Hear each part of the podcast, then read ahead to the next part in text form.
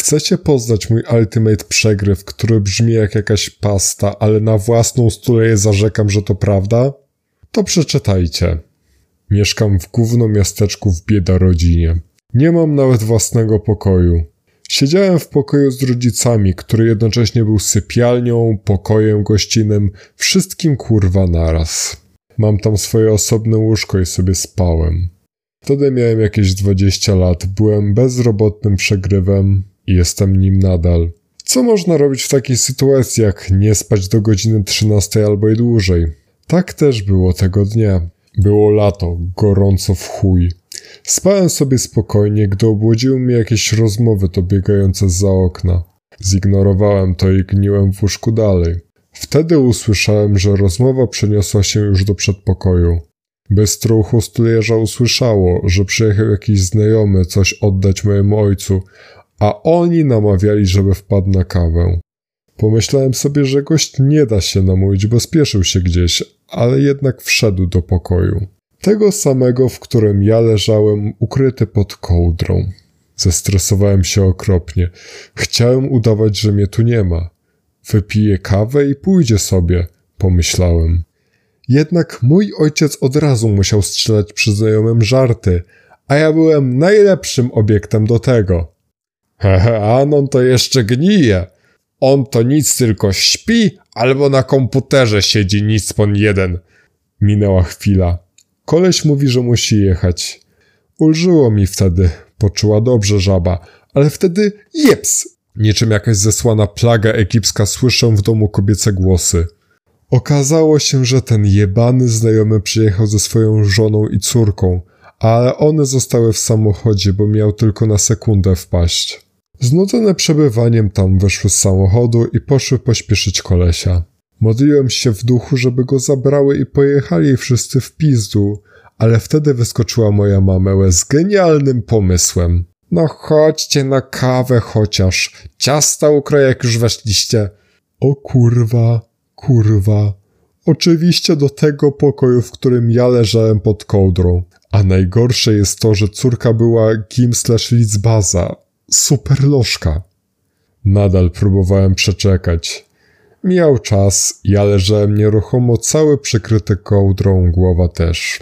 Oczywiście mój ojciec nie mógł szczędzić mi żenujących sytuacji i zaczął sypać jakimiś tekstami do znajomego. Ty, e, a może tam twój zięć leży i śpi? Wskazując na moje łóżko i sypiąc do Karyny, że taki fajny ze mnie chłopak, spokojny i w ogóle tylko nieśmiały trochę.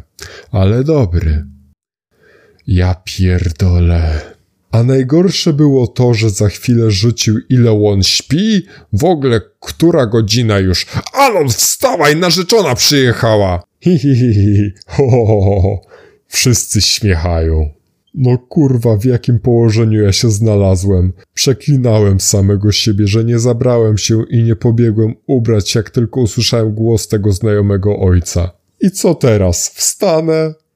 To nie wchodziło w grę. Na dodatek spałem w samych gaciach, bo środek lata. O kurwa. Wtedy wyczułem, że nie mam na sobie gaci. Leżałem całkowicie goły pod kołdrą. Nie mam pojęcia, jak to się stało. Może leżałem pod tą zasraną kołdrą w nocy, było mi gorąco i ściągnąłem gacie.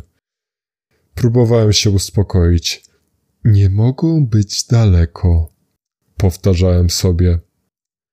Próbowałem delikatnie wymacać pod kołdrą, czy nie leżą koło mnie. Muszą leżeć. Macam i macam. Nie ma. Wtedy słyszę ojca. O, Anon już nie śpi, wierci się pod łóżkiem, tylko he, pewnie wstydzi się. No nie bądź taki nieśmiały, wstawaj i się przywitaj. I wtedy usłyszałem, jak wstaje i idzie w moim kierunku. Co robić? Słyszę zbliżającego się ojca. Czas się zatrzymuje. Goła dwudziestoletnia spierdolina zaraz zostanie odsłonięta. Na dodatek siedzi tu pieniężna Karyna. Kurwa, niech to wszystko zniknie. To nie może się dziać. Czemu znalazłem się w położeniu jak bohater jakiejś pasty? Co robić? Jakieś czary? Modlić się do popora? Macam szybko w pośpiechu szukając gaci, ale ojciec już jest. Złapał kołdrę i zerwał ją ze mnie. Wielka cisza. Szybko wstałem, zasłaniając pysiora. Powiedziałem y, dzień dobry, skinając głową i wybiegłem w ekstremalnym tempie spokoju. Ukryłem się w piwnicy.